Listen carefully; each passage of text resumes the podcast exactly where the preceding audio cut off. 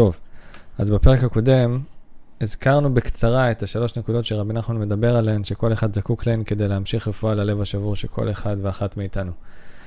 אז אה, לא פירטתי יותר מדי על השלוש נקודות האלה, אז הפעם אנחנו ניכנס לעניין ונבהר את זה ונסביר את זה בעזרת השם.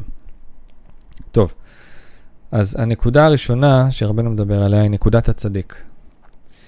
אנחנו ניתן קצת רקע. רבי נתן, התלמיד הגדול של רבי נחמן, כותב בספרו עלים לתרופה כך: ואני יודע ומאמין באמת שאדוננו, מורנו ורבנו יודע היטב בכלליות ובפרטיות כל מה שנעשה עם כל הנפשות בכל דור ודור, מיום ברו אלוקים אדם על הארץ עד הנה ועד הסוף האחרון, ויודע כל הקלקולים וכל התיקונים של כל אחד ואחד.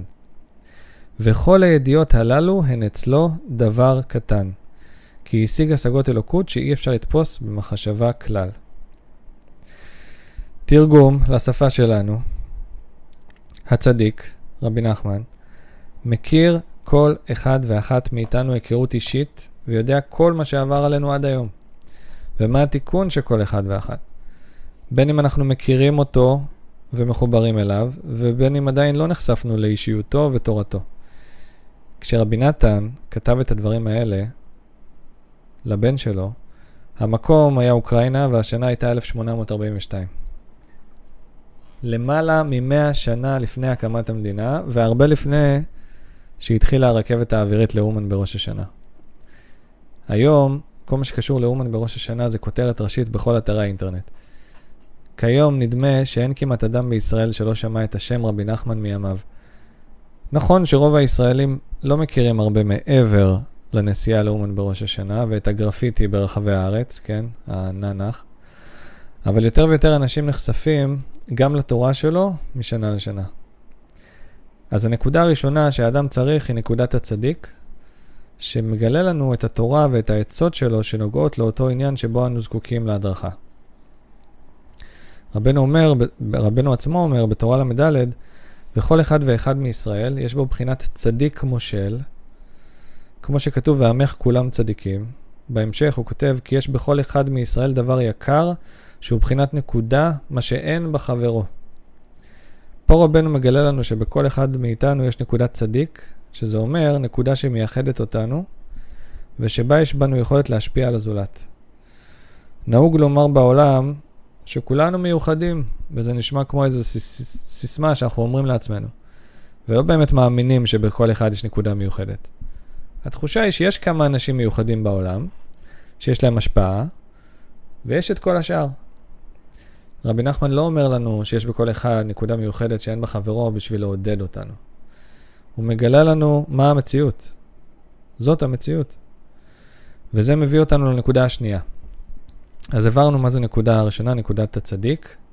זה הצדיק שממנו אנחנו צריכים לקבל, שכולל, שהוא בעצם שורש נשמות ישראל וממנו כולנו צריכים לקבל. וזה מביא אותנו לנקודה השנייה, שהיא נקודת החבר. רבנו אומר לנו בהמשך התורה, שעל ידי שאנחנו מדברים עם חבר ביראת שמיים, שמה זה אומר יראת שמיים? בתשומת לב והקשבה אמיתית. שאתה יושב עם חבר טוב ומנהלים שיחה, בלי כל מיני הסחות דעת ועם נוכחות. על ידי זה אנחנו מאירים, מאירים באלף, אחד, אחד בשני מהנקודות המיוחדות שיש בנו. ובסוף התורה רבנו גם אומר שהשיחה הזאת שאנחנו עושים עם החבר הטוב, היא לא חייבת להיות בעניינים רוחניים וברומו של עולם, כן? זה יכולה להיות גם שיחת חולין. העיקר שהיא תהיה עם תשומת לב והקשבה. והנקודה השלישית והאחרונה היא שיחה בינו לבין קונו. לדבר עם השם. ההתבודדות, השיחה האישית, כל אחד שיקרא לזה איך שהוא רוצה, מדיטציה, אבל זה דווקא בדיבור. כמו שאנחנו הזכרנו כמה פעמים, זה דווקא בדיבור. אחרי שקיבלנו הדרכה מהצדיק, זו הנקודה הראשונה, ודיברנו ביראת שמיים בתשומת לב עם חבר טוב, שזו הנקודה השנייה, מביאים את כל מה שקיבלנו לשיחה האישית עם השם ועם עצמנו. עכשיו, אני חייב להגיד מניסיון, שהשיחה הזאת, ההתבודדות, יש הבדל ענק בין התבודדות שאתה עושה אחרי שדיברת עם חבר טוב, לבין התבודדות שאתה עושה אה, בלי השיחה הזאת. עכשיו, ברור שקשה מאוד כל יום, כי רבנו מדבר על שלוש נקודות האלה, ולכאורה צריך לקיים את זה כל יום, אבל זה מאוד מאוד קשה לקיים כל יום שיחה ככה אמיתית עם חבר טוב, וזה משהו שאנחנו לא... זה, זה קשה, זה קשה באמת אה, להגיע לזה ולפנות את הזמן לזה.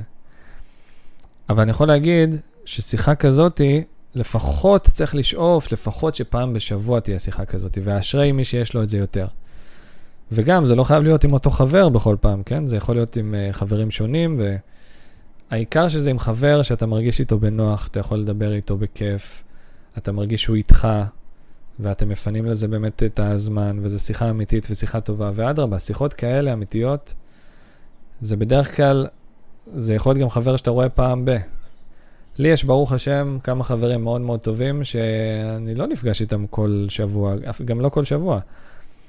אבל כל פעם שאני יושב איתם, אתה מרגיש כאילו אנחנו ממשיכים מהנקודה שהפסקנו. זה חבר טוב. חבר שאתה באמת יכול, זה כאילו אתם לחצתם פליי והמשכתם איפה שהפסקתם, כי יש אהבה. ועל כל פשעים תכסה אהבה, ויש אהבה בין שני אנשים, בין שני חברים, זה כוח אדיר, אדיר, אדיר.